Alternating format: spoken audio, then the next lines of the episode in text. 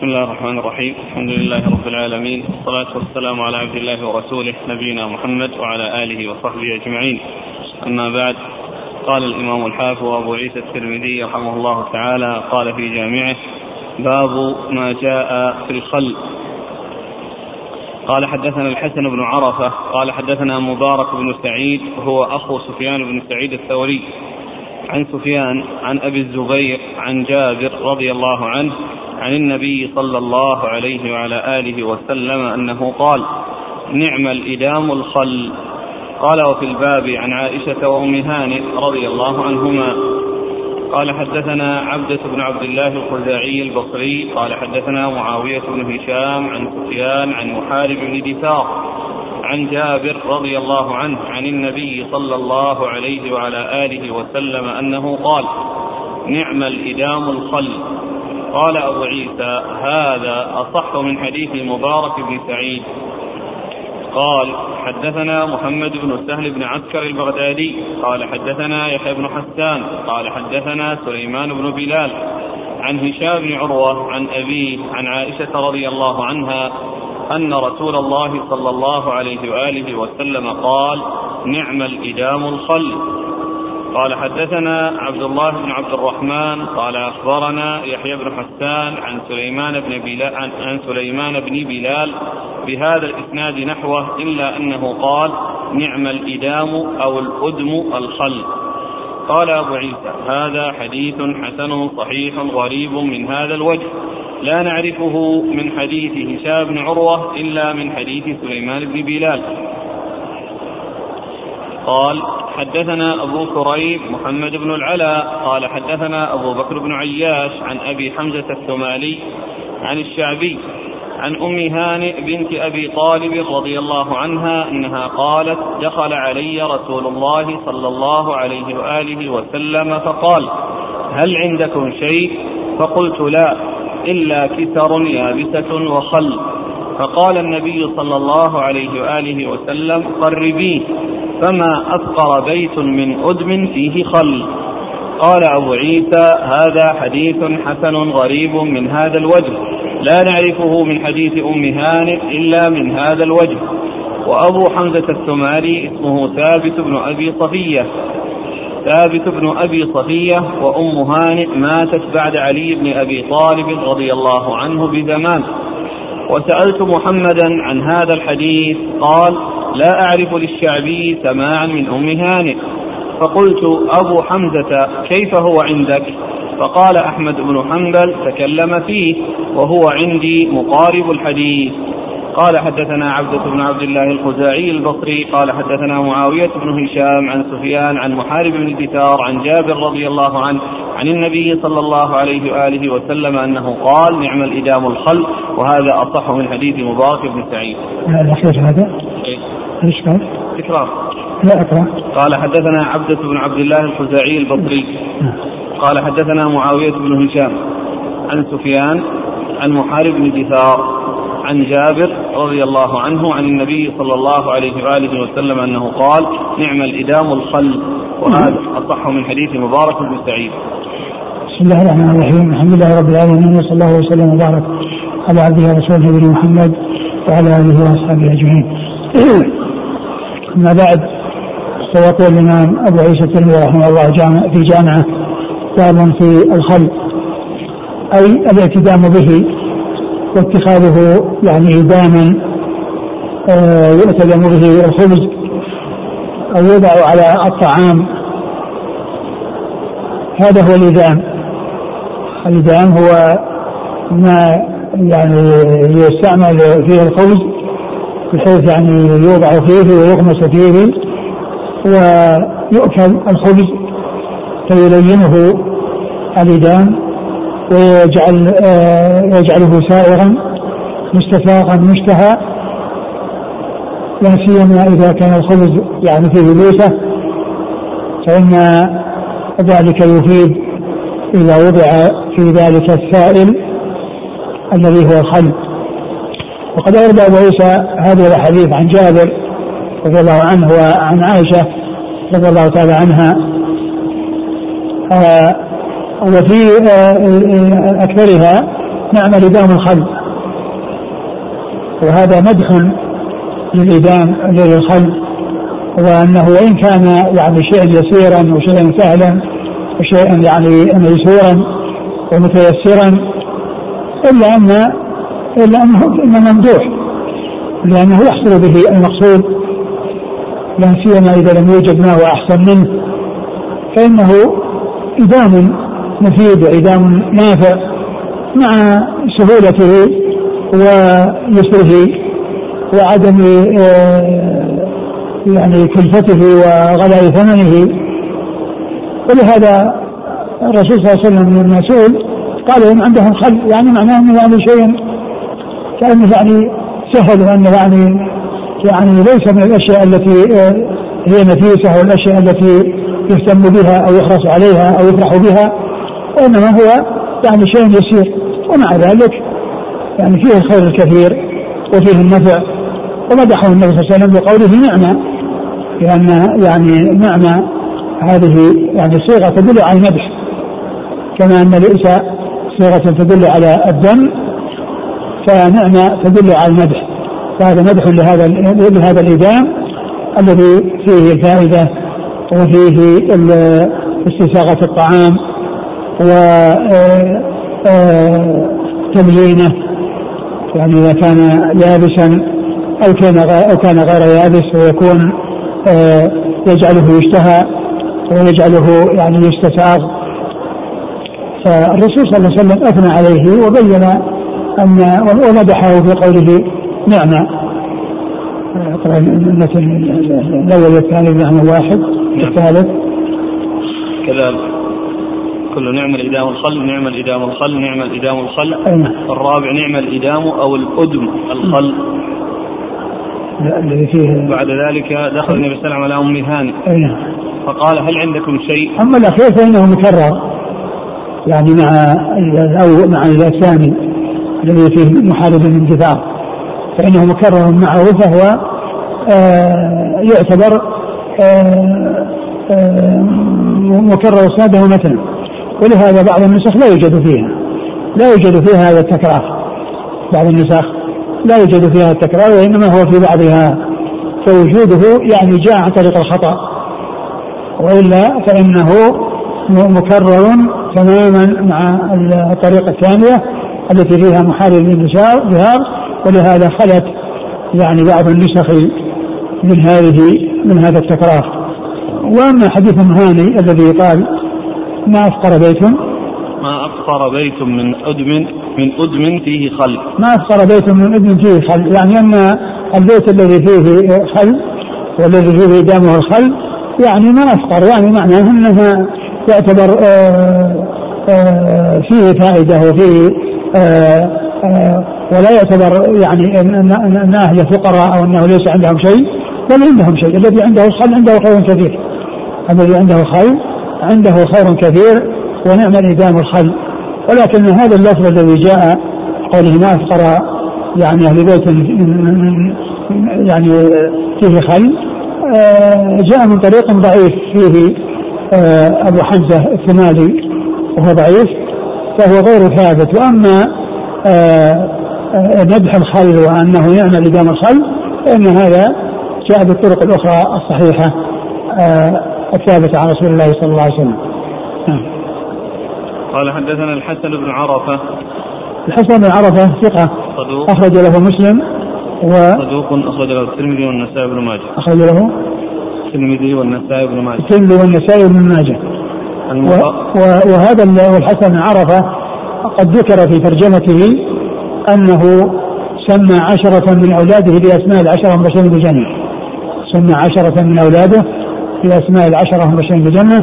ذكر ذلك المزي في ترجمته في تهذيب الكمال. نعم. عن مبارك بن سعيد.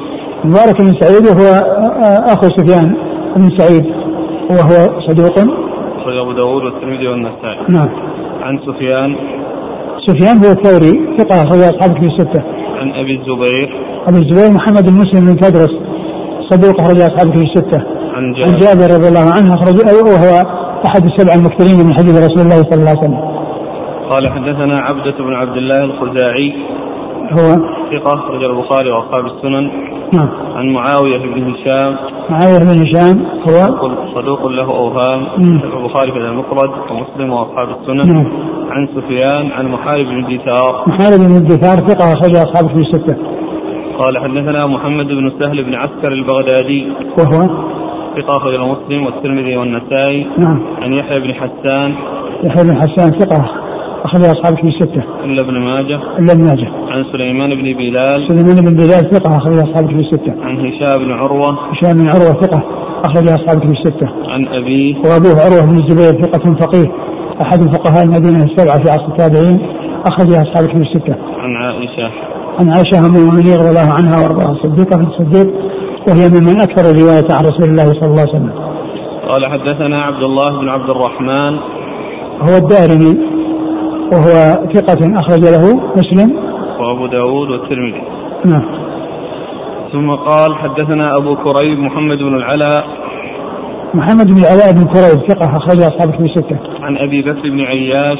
وهو ثقة أخرجه البخاري ومسلم في المقدمة وأصحاب السنن. عن أبي حمزة الثمالي. وهو ضعيف أخرج له الترمذي والنسائي في مسند علي وابن ماجه. نعم. عن الشعبي. الشعبي هو عامر بن شراحيل. الشعبي. وهو ثقة أخرج أصحابه في الستة عن أم هانئ. عن أم هاني رضي الله عنها أخت وهي بنت بنت أبي طالب أخت علي بن أبي طالب أخرج حديثها أصحاب الكتب الستة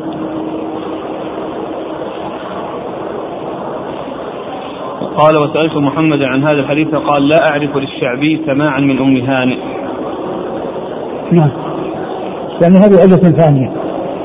إلا إلا أن تكون إلا أن يكون أنه يعني على طريقة البخاري أنه يعني أنه يشترط التلاقي يعني آه، بين الراوي ومن روى عنه الذي هو شرطه. نعم. لكن فيه أبو حمزة الثمالي وهو ضعيف.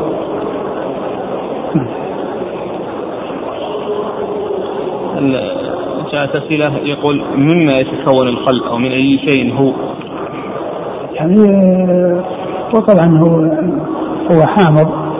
يعني هو وهو معروف ومبذول. نعم. والمخلل يعني تخلل الأشياء بأن توضع فيه آه، يكون فيها حموضة. يعني في يكون فيها حموضة يكتسبها من من من حموضة الخل. نعم.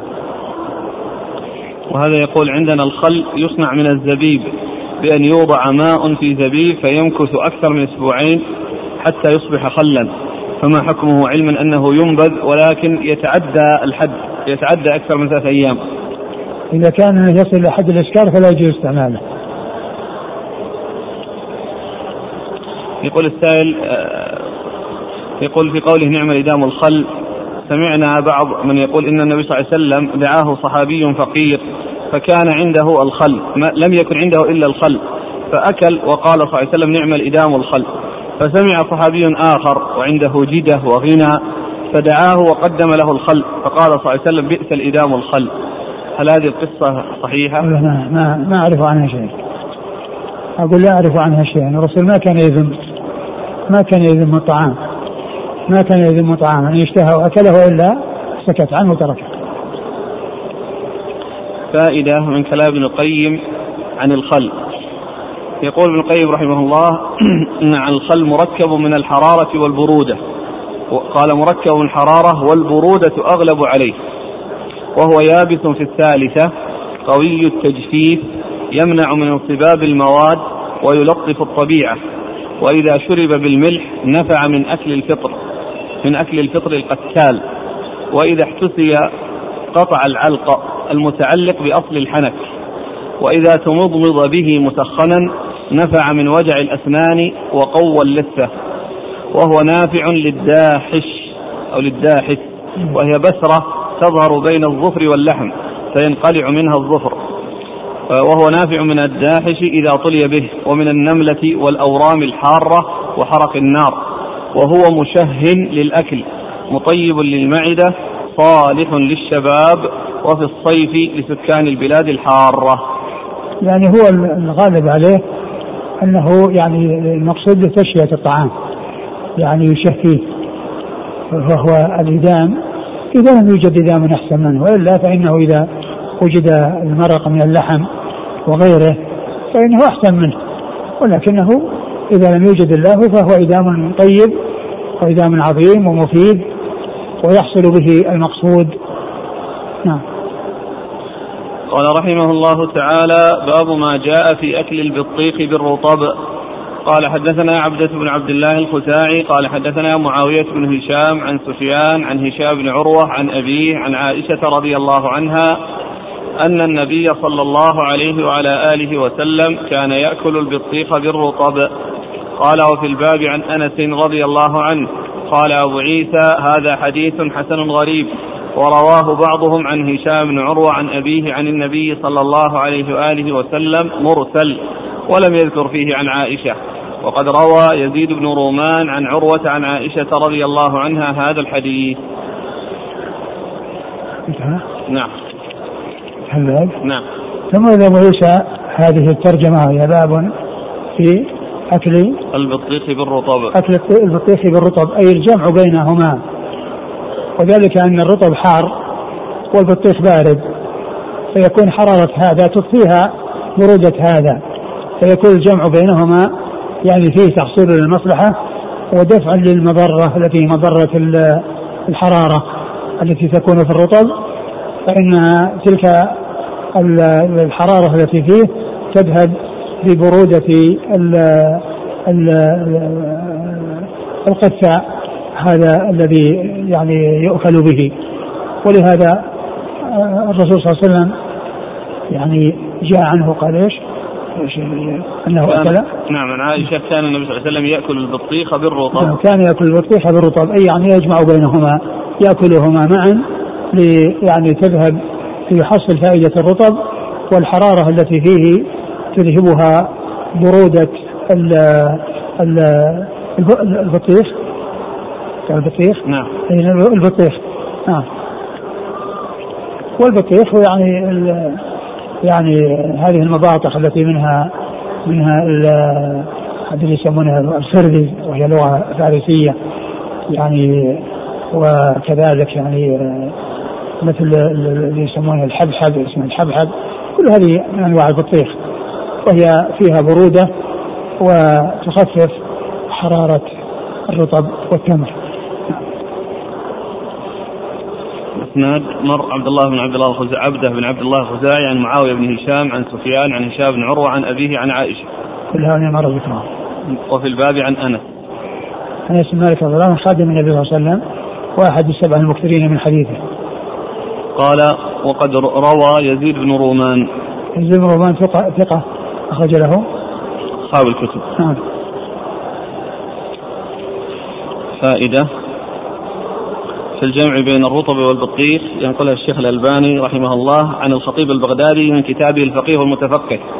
قال الخطيب رحمه الله من فوائد الحديث أن قوما ممن سلك طريق الصلاح والتزهد قالوا لا يحل الأكل تلذذا ولا على سبيل التشهي والإعجاب ولا يأكل إلا ما لا بد منه لإقامة الرمق. فلما جاء هذا الحديث سقط قول هذه الطائفة وصلح أن يأكل الأكل تشهيا وتفكها وتلذذا. وقالت طائفة من هؤلاء إنه ليس لأحد أن يجمع بين شيئين من الطعام ولا بين أدمين على خوان. فهذا الحديث يرد على صاحب هذا القول ويبيح أن يجمع الإنسان بين لونين وبين أدمين فأكثر. نعم.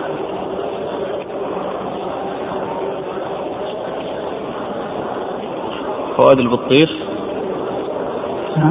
البطيخ يقول عنه ابن القيم بارد رطب وفيه جلاء وهو أسرع انحدارا عن المعدة من القثاء والخيار وهو سريع الاستحالة إلى أي خلط كان إلى أي خلط كان صادفه في المعدة. وإذا كان آكله محرورا انتفع به جدا وإن كان مبرودا دفع ضرره بيسير من الزنجبيل ونحوه. وينبغي أكله قبل الطعام.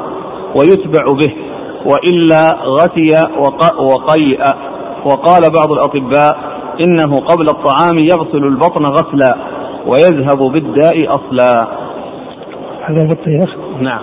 الناس ما يكون إلا بعد الطعام. ابن القيم يكثر من هذه الكلمات المنازل الثالثة الرابعة. إيه. فما المراد؟ يعني آه، آه، قضية الحرارة يعني ما أدري يعني هل هذا صحيح يعني ما يقال إنه يعني حار عند الأكل وحار عند الخروج. يعني في الحرارة يعني توجد فيه يعني في في أحوال يعني وليس في يعني عند أكله وعند خروجه. هو حار في الأول وحار في الآخر. نعم. هنا مر معنا الثالثة. أي. ذكر مرتبة ثالثة. نعم.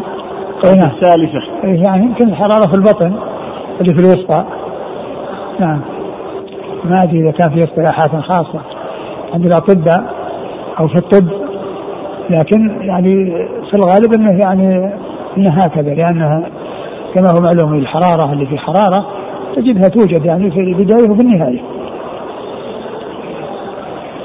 قال رحمه الله تعالى باب ما جاء في أكل القساء بالرطب.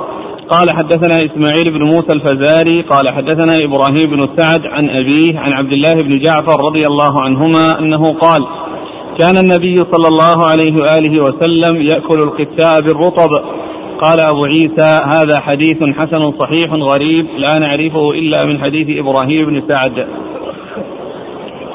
ثم أبو عيسى باب أكل القساء بالرطب وهذا يعني آه بعدما ذكر البطيخ مع الرطب وهو يعني بارد مع حار ذكر أيضا القسة مع الرطب وهو بارد مع حار.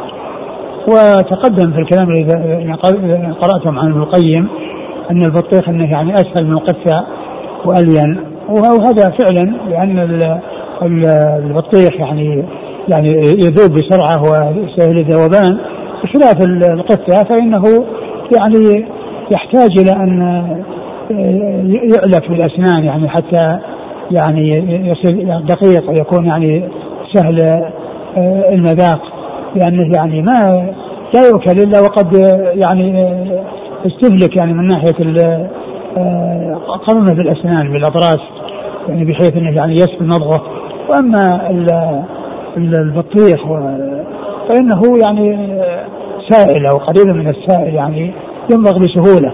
ولا يحتاج إلى ما يحتاج إليه القثاء ولهذا ابن القيم رحمه الله ذكر انه انه يعني الين من الفطيخ وأنه يعني اسهل من الفطيخ من نعم. قال حدثنا إسماعيل بن موسى الفزاري. هو صدوق يخطئ أخرجه البخاري في خلق أفعال العباد وأبو داود والترمذي وابن ماجه. نعم. عن إبراهيم بن سعد. وهو ثقة أخرج أصحاب في الستة. عن أبيه. وأبو ثقة. أخرج أصحاب في الستة. عن عبد الله بن جعفر. عبد الله بن جعفر رضي الله عنه أخرجه أصحاب في الستة. هذا رباعي. أربعة؟ لا خماس إسماعيل نعم. عن إبراهيم نعم. عن أبيه عن عبد الله بن جعفر. نعم.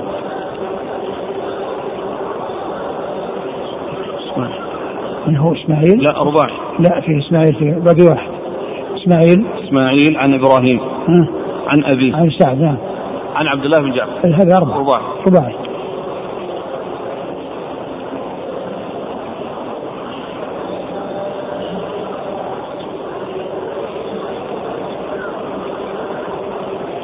في سنن أبي داود وصحح الشيخ الألباني رحمه الله عن عائشة رضي الله عنها قالت أرادت أمي أن تسمنني أو تسمني لدخولي لدخولي على رسول الله صلى الله عليه وسلم فلم أقبل عليها بشيء مما تريد حتى أطعمتني القساء بالرطب فسمنت عليها كأحسن السمن. هذا في أبي داود؟ صحيح سنة أبي داود كتاب الطب باب في سمنة. 3903 صح. الشيخ الألباني. إذن هذا ما يراقب. ها؟ إذا هذا ما يراقب فيه. ما يرغب السمين أما النحيف؟ هذا ما يرغب فيه. نعم. فائدة القساء. قال ابن القيم رحمه الله تعالى عن القساء بارد رطب في الدرجة الثانية مطفئ لحرارة المعدة الملتهبة بطيء الفساد فيها نافع من وجع المثانة ورائحته تنفع من الغشي وبذره يدر البول وورقه إذا اتخذ ضمادا ينفع من عضة الكلب وهو بطيء الانحدار عن المعدة وبرده مضر ببعضها فينبغي أن يستعمل معه ما يصلحه ويكسر برودته ورطوبته كما فعل رسول الله صلى الله عليه وسلم إذ أكله بالرطب فإذا أكل بتمر أو زبيب أو عسل عدله. قال رحمه الله تعالى باب ما جاء في شرب أبوال الإبل. قال حدثنا الحسن بن محمد الزعفراني قال حدثنا عفان قال حدثنا حماد بن سلمة قال أخبرنا حميد وثابت وقتادة عن أنس رضي الله عنه أن ناسا من عرينة قدموا المدينة فاجتووها فبعثهم النبي صلى الله عليه وآله وسلم في إبل الصدقة وقال اشربوا من أبوالها وألبانها. قال أبو عيسى هذا حديث حسن صحيح غريب من هذا الوجه وقد روي هذا الحديث من غير وجه عن أنس رواه أبو قلابة عن أنس ورواه سعيد بن أبي عروبة عن قتادة عن أنس. ثم أرد أبو عيسى باب في شرب أبوال الإبل. أي أن آه، شربها للتداوي وليس للغذاء وإنما الألبان هي التي تشرب للتداوي وللغذاء. وأما الأبوال فإنها تشرب للتداوي وهو دال على طهارتها طهارة أبوال ما يؤكل لحمه وكذلك أرواثه فإنها طاهرة وليست بنجسة. والرسول صلى الله عليه وسلم لما أرشد إلى شربها دل على طهارتها لأنه لو كانت نجسة أن الرسول ما يرشد إلى أن يستعمل نجس وأن يشرب نجس وإنما يشرب شيء طاهر. ومما يعني يدل على أيضا طهارتها أن الرسول صلى الله عليه وسلم طاف على بعير أدخله المسجد. ومعلوم أن البعير يعني يحصل منه البول ويحصل منه الروث وإذا حصل منه شيء فإنه لا ينجس المسجد لأنه طاهر. فبول ما يؤكل لحمه وكذلك أيضا روثه فإنه من الأشياء الطاهرة وليس من الأشياء النجسة. والجماعة الذين قدموا المدينة فاستوبؤوها واجتووها وأصابهم يعني مرض في بطونهم فالرسول صلى الله عليه وسلم أرسلهم إلى إبل الصدقة فأن يشربوا من أبوالها وألبانها ف فحصلت لهم الفائدة يعني بذلك وصحت أجسامهم ولكن حصل بعد ذلك الاعتداء على الراعي وعلى الإبل وحصل منهم ما حصل كما جاء في الحديث مطولا. ولكن المصنف هنا ذكره مختصرا لبيان أن آه، أبوال الإبل أنها يجوز شربها للاستشفاء بها وللتداوي بها وأنها بذلك من جملة الأشياء الطاهرة وأنها ليست في نجسة. إذا أصابت الثياب أو أصابت الجسد فإنها لا تحتاج إلى غسل للنجاسة وإنما تغسل للنظافة. نعم. قال حدثنا الحسن بن محمد الزعفراني. هو ثقة أخرج البخاري وأصحاب السنن. نعم. عن عفان. عفان بن مسلم الصفار ثقة. أخرج أصحابه في الستة. عن حماد بن سلمة. حماد بن سلمة بن دينار ثقة. أخرجه البخاري تعليقا ومسلم وأصحاب السنن.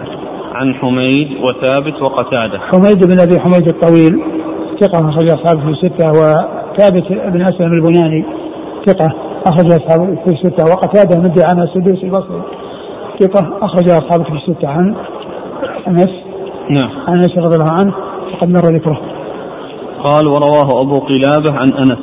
أبو قلابة عبد الله بن زيد الجرمي ثقة أخرج أصحابه في الستة هو سعيد بن أبي عروبة عن قتادة عن أنس. وسعيد بن أبي عروبة ثقة أخرج أصحابه في الستة يقول السائل طريقة شرب هذا البول باللبن شربها تمزج الأبوال باللبن لا. أو لا تمزج لا يشرب هذا على حدة هذا على حدة. وهذا يقول هل يقال إن النبي صلى الله عليه وسلم أرسل هؤلاء القوم من عرينة إلى مثل البيئة التي جاءوا منها وإنما أرشدهم إلى شرب أبوال الإبل لأنهم اعتادوا عليها؟ ويستدل ويستدل من ذلك أن كل أناس يكون دواؤهم من نفس بيئتهم. هذا لا شك إن إن, إن هذا دواء لمن أصابه يعني هذا المرض. يعني سواء كان من أهل البر أو من أهل من أهل الحضر. يعني الاستشفاء يعني بهذا لمن أصابه يعني مرض يعني في بطنه يعني يفيد يعني هذا وهذا. لا يقال إن هذا خاص بأصحاب البادية وأن أصحاب الحاضرة إذا احتاجوا إلى ذلك وأصابهم مثل هذه الأمراض أنهم لا يتعالجون بهذا بل يتعالجون.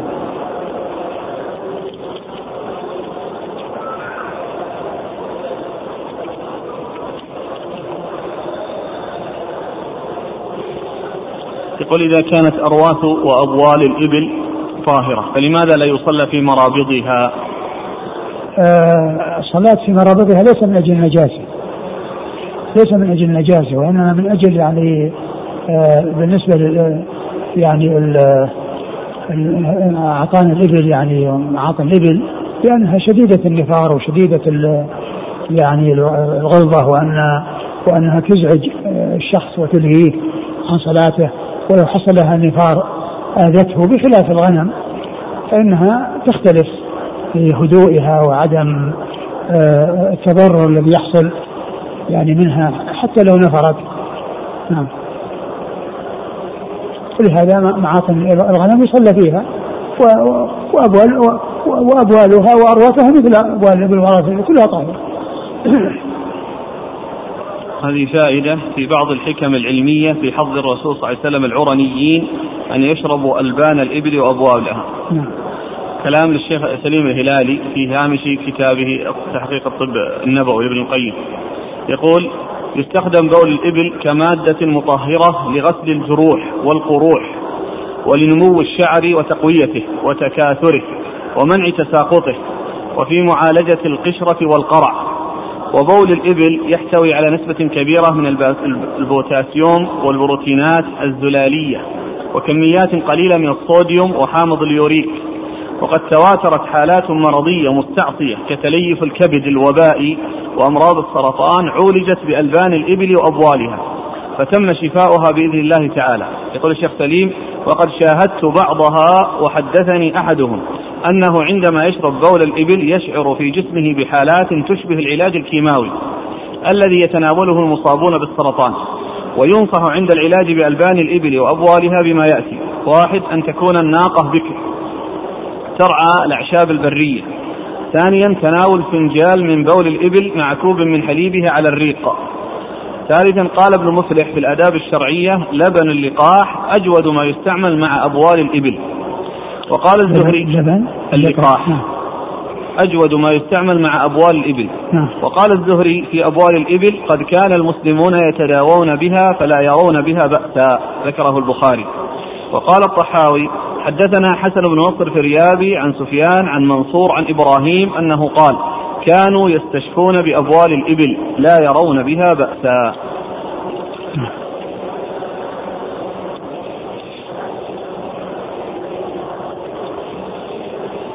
قال رحمه الله تعالى باب ما جاء في الوضوء قبل الطعام وبعده. قال حدثنا يحيى بن موسى قال حدثنا عبد الله بن نمير قال حدثنا قيس بن الربيع قال وحدثنا قتيبة. قال حدثنا عبد الكريم الجرجاني عن قيس بن الربيع المعنى واحد. عن أبي هاشم يعني الرماني. عن زاذان عن سلمان رضي الله عنه أنه قال قرأت في التوراة أن بركة الطعام الوضوء قبل الوضوء بعده. فذكرت ذلك للنبي صلى الله عليه وسلم فأخبرته بما قرأت في التوراة فقال رسول الله صلى الله عليه وسلم بركة الطعام الوضوء قبله والوضوء بعده. قال وفي الباب عن أنس وأبي هريرة رضي الله عنهما قال أبو عيسى لا نعرف هذا الحديث إلا من حديث قيس بن الربيع. وقيس بن الربيع يضعف في الحديث وأبو هاشم الرماني اسمه يحيى بن دينار. ثم ابو عيسى هذه ترجمه وهي قوله باب الوضوء قبل الطعام وبعده. باب الوضوء قبل الطعام وبعده. الوضوء يعني في لسان الشرع وفي يعني عندما يأتي بكلام الرسول صلى الله عليه وسلم المقصود به الوضوء الشرعي الذي هو غسل الوجه ومنه المضمضة والاستنشاق وغسل اليدين المرفقين ومسح الرأس وغسل الرجلين الكعبين. هذا هو الوضوء عندما يأتي في كلام الرسول صلى الله عليه وسلم. والوضوء يطلق يعني على معناه اللغوي على النظافة والنزاهة و و أورد أبو عيسى هذا الحديث عن عن من؟ عن سلمان. عن سلمان. أنه قرأ في التوراة أن من بركة الطعام الوضوء قبله. لا. الوضوء بعده. بعده. وقال الإنسان من بركة الوضوء طعام الوضوء قبله وبعده. فيحمل يعني هذا على على المقصود به الوضوء الشرعي. ولكنه غير ثابت الحديث. غير ثابت هو ضعيف.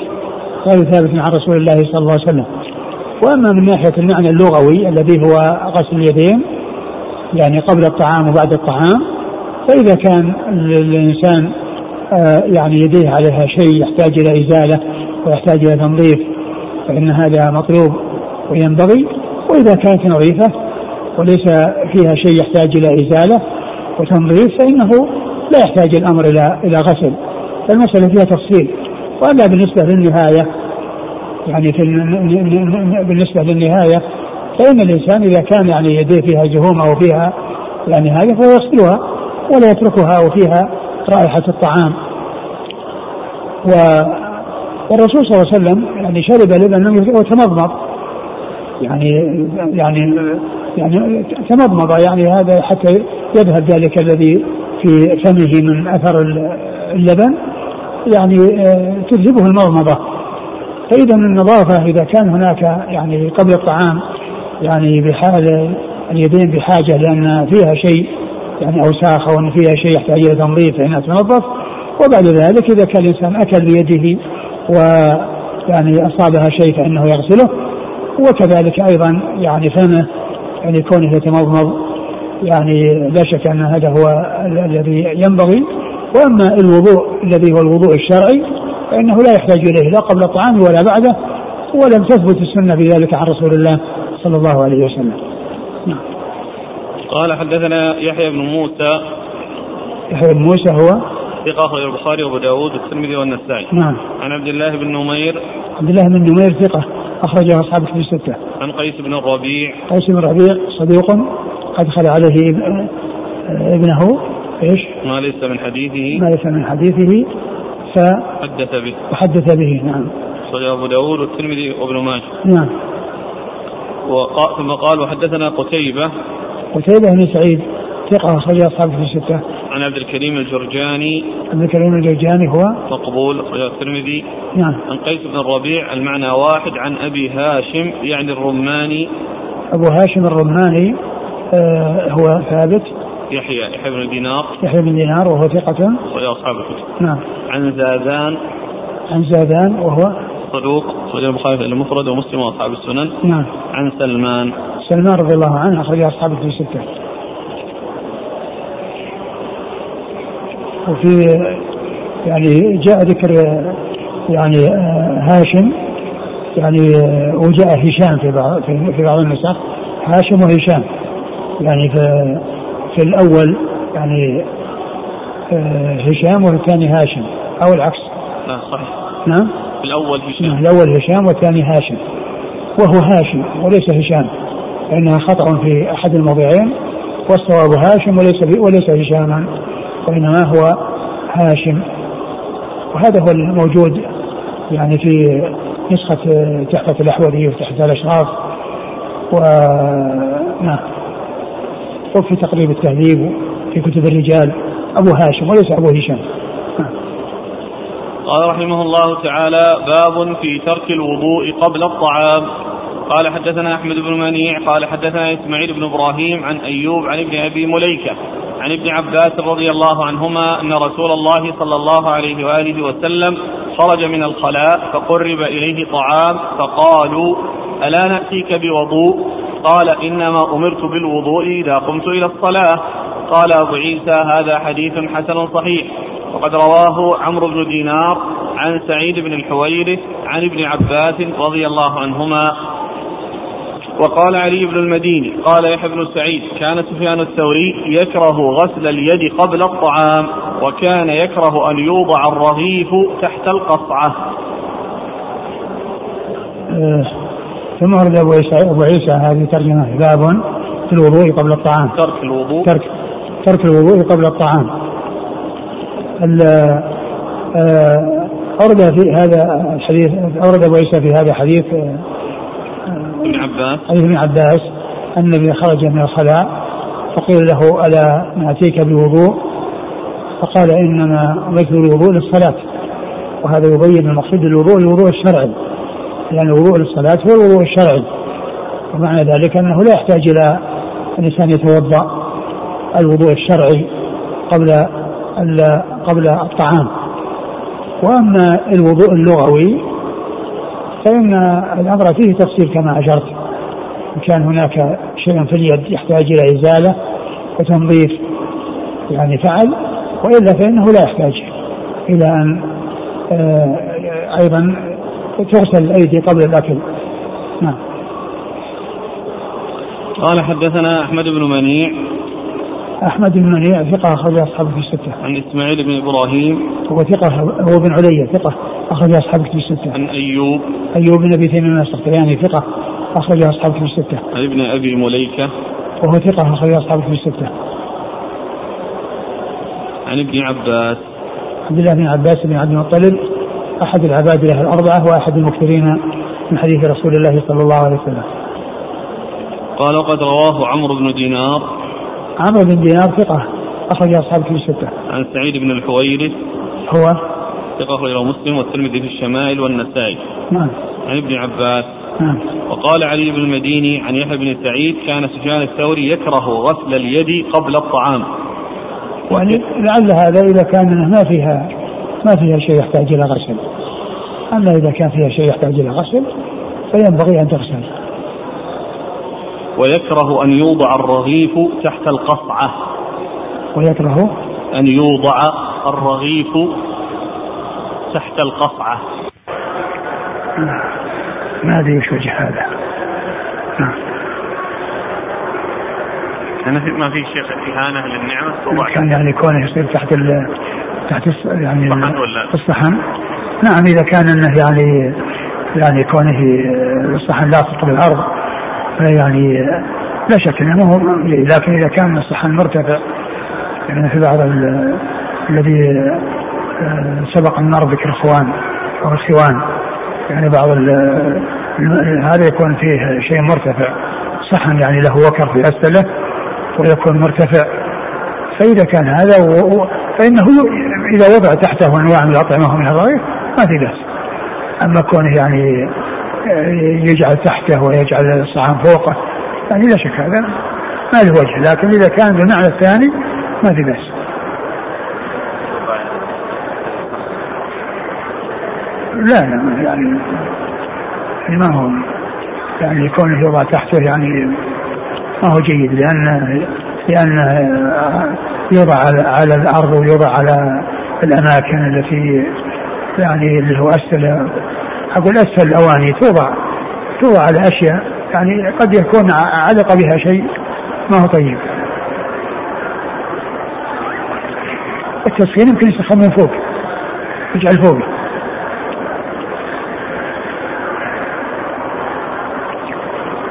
قال رحمه الله تعالى باب ما جاء في التسمية في الطعام. قال حدثنا محمد بن بشار قال حدثنا العلاء بن الفضل بن عبد الملك بن أبي سوية أبو الهذيل. قال حدثنا عبيد الله بن عكراش عن أبيه عكراش بن ذؤيب رضي الله عنه أنه قال بعثني بنو مرة بن عبيد بصدقات أموالهم إلى رسول الله صلى الله عليه وآله وسلم فقدمت عليه المدينة فوجدته جالسا بين المهاجرين والأنصار.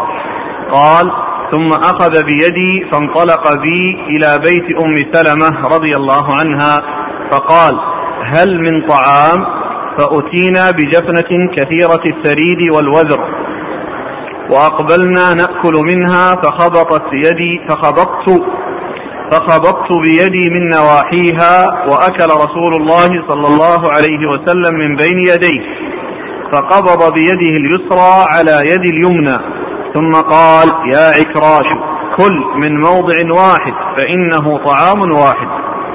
ثم أتينا بطبق فيه ألوان الرطب أو من ألوان الرطب. عبيد الله شكا. قال فجعلت آكل من بين يدي. ثم أتينا بطبق فيه ألوان الرطب أو من ألوان الرطب. أو من ألوان التمر يعني في بعض النسخ النسخ الأخرى التمر. الشك هو بين التمر والرطب.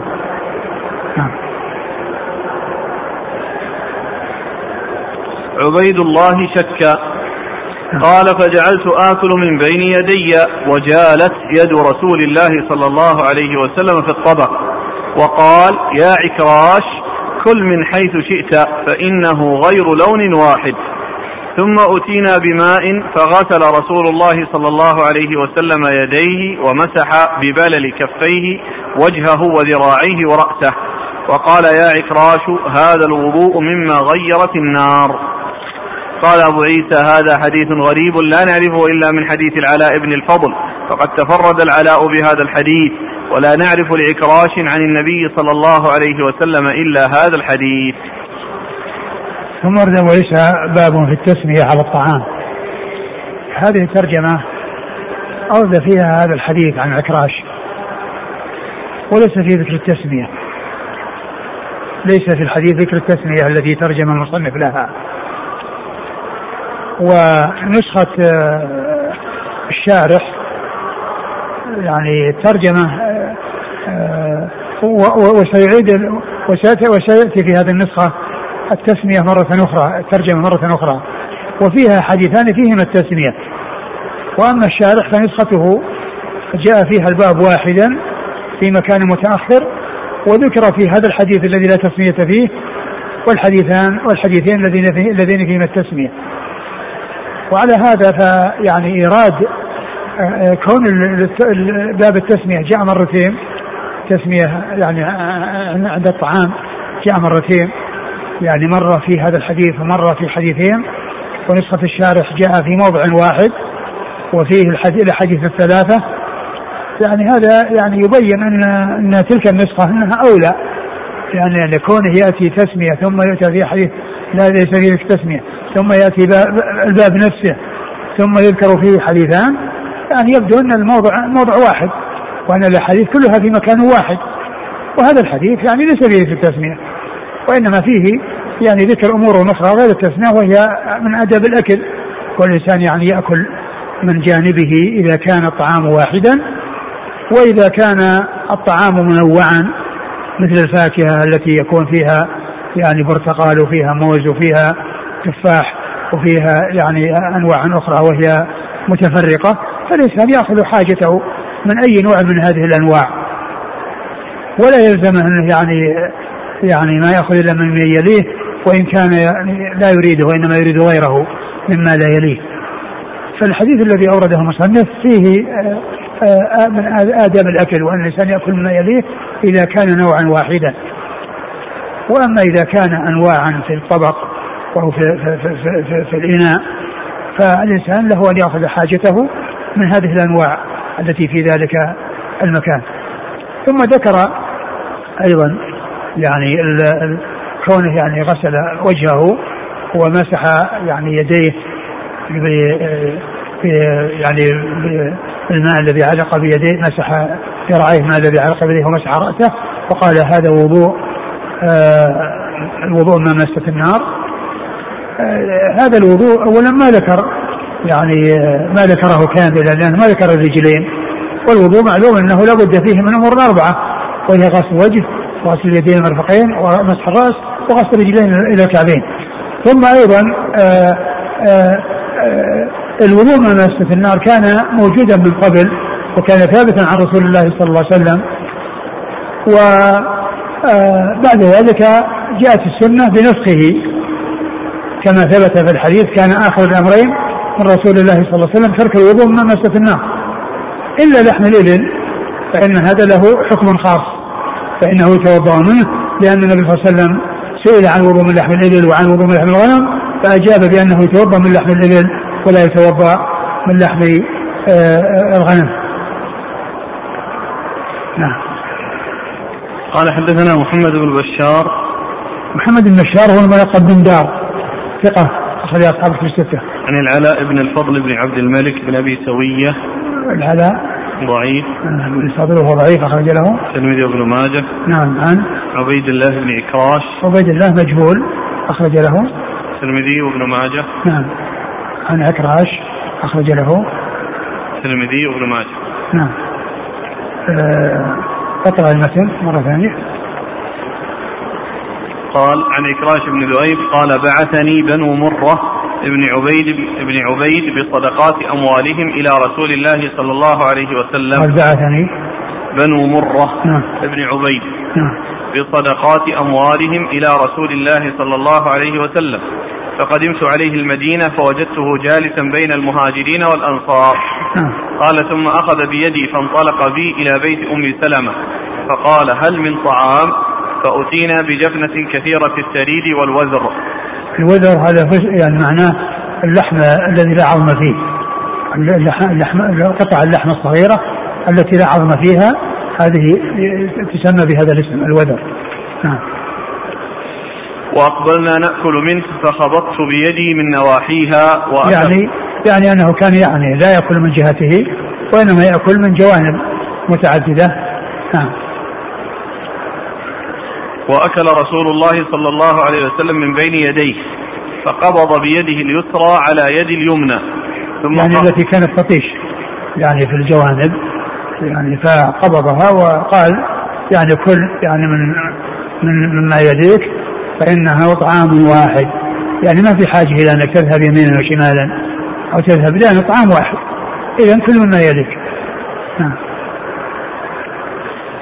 وهذا من جنس ما جاء في حديث في حديث عمر بن أبي سلمة الذي يعني كان يده قد كانت يده تطيش الصحفه فالرسول قال يا غلام سم الله وكل من يمينك وكل ما يليك. يا غلام سم الله وكل بيمينك وكل ما يليك. وهذا سيأتي في الباب الثاني الذي باب التسميه على الطعام الذي هو فيه محل الشاهد. نعم. ثم قال يا عكراش كل من موضع واحد فإنه طعام واحد. نعم. ثم أتينا بطبق فيه ألوان الرطب أو من ألوان التمر. عبيد الله شك قال فجعلت آكل من بين يدي. وجالت يد رسول الله صلى الله عليه وسلم في الطبق. وقال يا عكراش يعني عكراش التزم يعني ب...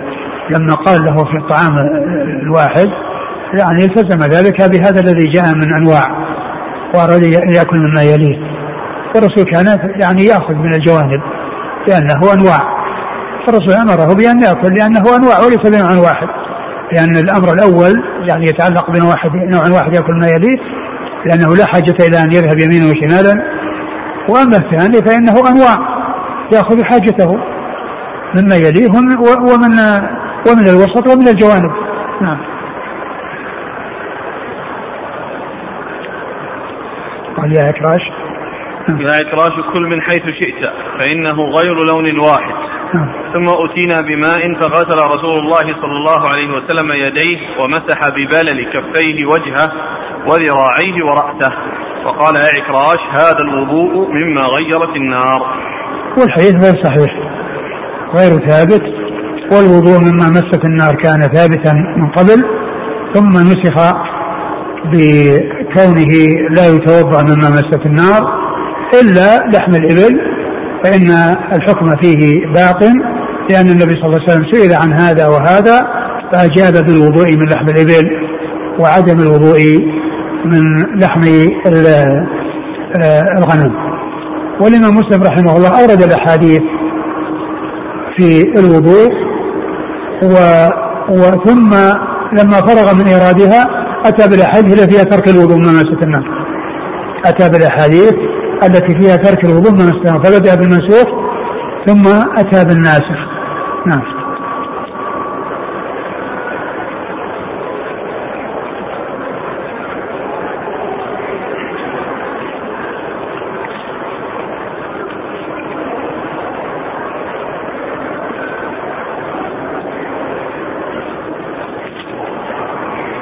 يقول الأخ ألا يمكن أن يلحق هذا الحديث بالبابين قبله لأن فيه ذكر الوضوء وغسل اليدين ومسح الوجه والذراعين الباب اللي قبله كانت عن الوضوء قبل بس الباب. اللي قبله وش في ترك الوضوء قبل الطعام ولا شك أن صلته صلته بال يعني بالباب ال- يعني الذي يليه من ناحية الوضوء يعني بس إنه يعني الأول ترك الوضوء وهذا فيه الوضوء ترك الوضوء قبل الطعام.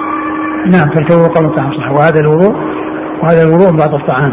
ولكنها ال يعني وضوء يعني يعني أكثر يعني أحوال الوضوء الشرعي موجود تنفيذ. نعم. ولكنه يعني ولكنه منسوخ اللي هو الوضوء. مسجد لكن لكن الترمذي الشارح أتى في الباب الأخير. أتى في الباب الأخير.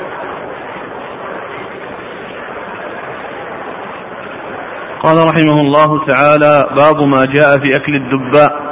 قال حدثنا قتيبة بن سعيد قال حدثنا الليث عن معاوية بن صالح عن أبي طالوت قال دخلت على أنس بن مالك رضي الله عنه وهو يأكل القرع.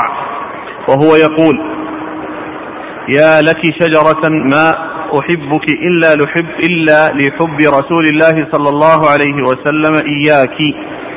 قال وفي الباب عن حكيم بن جابر عن أبيه رضي الله عنه قال أبو عيسى هذا حديث غريب من هذا الوجه. نعم. قال حدثنا محمد بن ميمونة. ميمون. محمد بن ميمون المكي.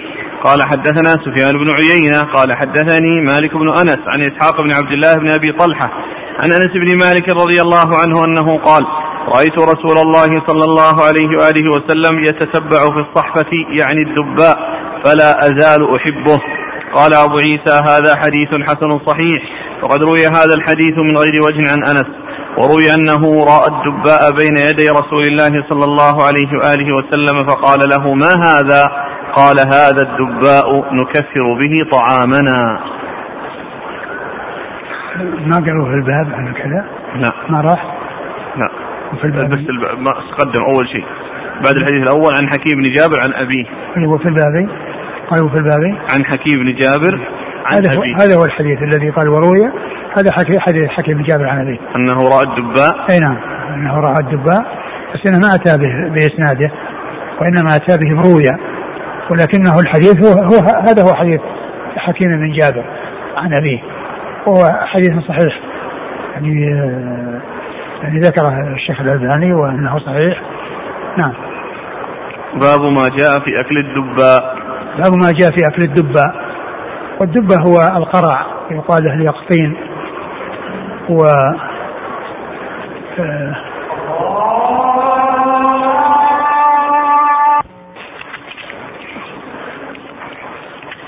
الدبة هو اليقطين وهو القرع و و ال- الرسول صلى الله عليه وسلم كان يحبه وجاء عن أنس رضي الله عنه أن النبي صلى الله عليه وسلم كان يعني يأكل مع كان يأكل مع النبي صلى الله عليه وسلم وكان النبي يأخذ يعني يأخذ من الجوانب الجوانب التي تليه لا أنه يعني يذهب إلى جوانب أخرى.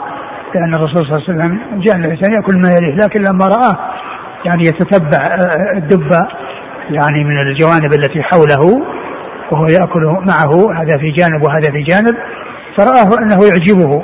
ولهذا جاء في بعض الروايات في بعض الأحاديث أنه كان يأخذه ويلقيه على في آه، جهته صلى الله عليه وسلم. لما رآه يعجبه كان يأخذ الدباء ويضعه في جهة النبي صلى الله عليه وسلم. ثم أيضا ذكر أنه يعني لا يزال يحب الدباء من من حين رأى النبي صلى الله عليه وسلم يحبها وأنها تعجبه. نعم الأول يقول الأول. عن أبي طالوت نعم قال دخلت على أنس بن مالك وهو يأكل القرع وهو يقول يا لك شجرة ما أحبك إلا لحب رسول الله صلى الله عليه وسلم إياك آه، الحديث هذا فيه اسناده أبو طالوت وهو يعني متكلم فيه ولكن الحديث الآخر الثاني هذا حديث صحيح وهو أخبر بان أنه لما رأى النبي صلى الله عليه وسلم يعجبه وأنه أحب آه، الدب يعني لذلك لأن النبي صلى الله عليه وسلم أحبه. نعم. والثاني رأيت الرسول صلى الله عليه وسلم يتتبع في الصحفة يعني الدباء فلا يعني يتتبع من الجهة التي تليه.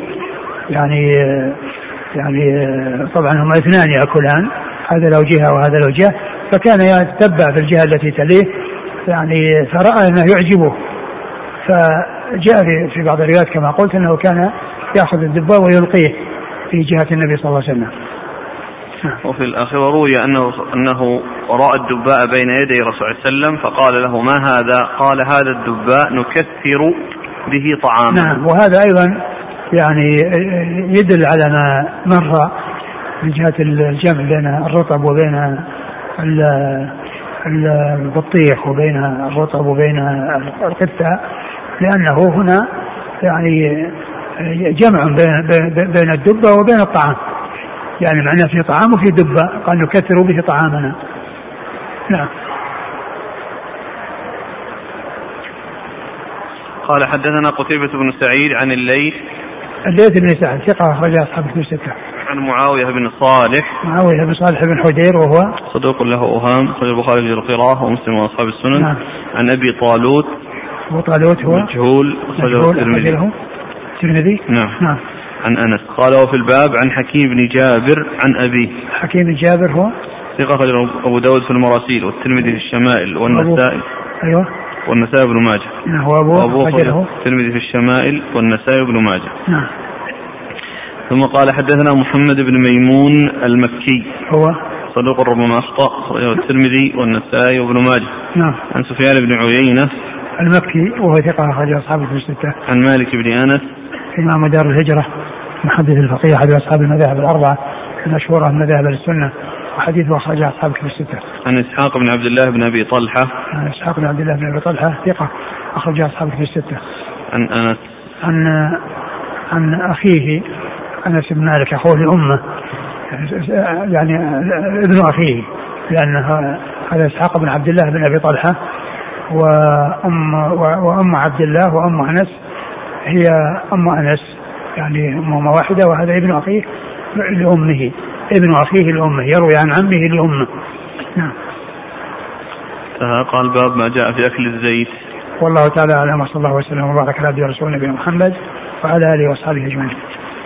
جزاكم الله خيرا وبارك الله فيكم ونفعنا الله بما سمعنا غفر الله لنا ولكم وللمسلمين أجمعين.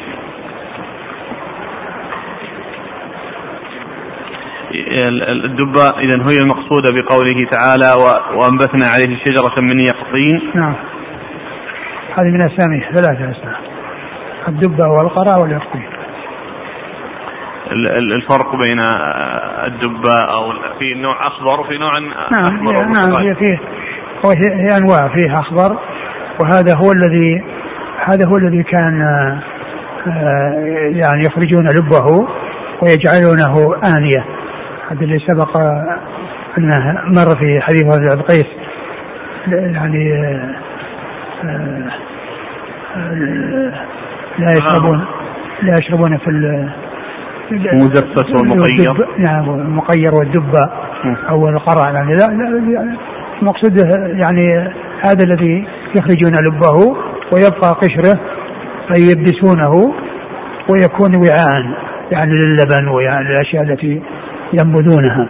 هذا الأخضر الذي يعني وهناك أنواع أخرى يعني تكون أصفر وكلها يعني هي هي من من, من هذه التي هي البطيخ والقرع والدباء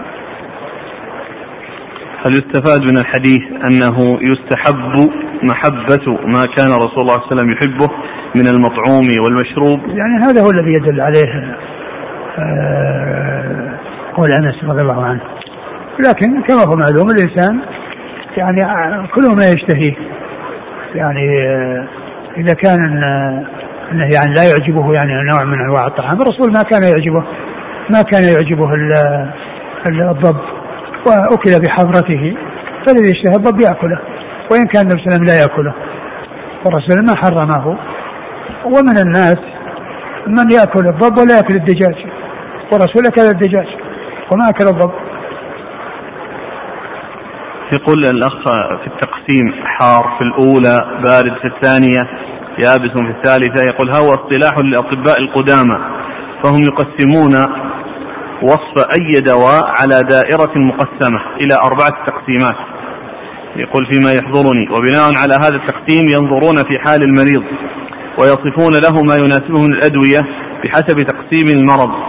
يقول سمعت هذا من أحد أطباء الأعشاب.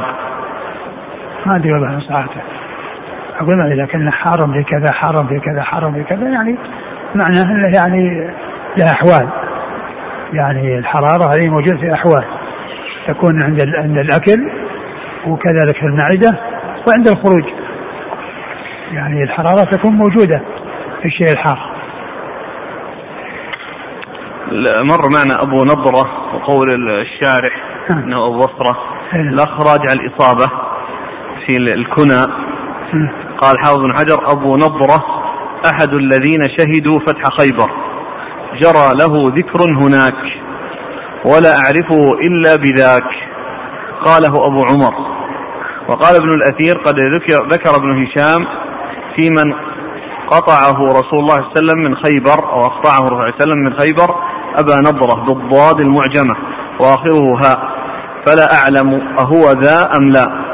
وقال ابن فتحون في أوهام الاستيعاب أراه هو. بس ما ذكروا الروايه أقول ما ذكروا الروايه نعم. ما أبو بصرة وبصره لهم رواية. ثم أيضا قال الغيث هاري يعني هناك كان الغيث هاري والغفاري هو أبو بصرة.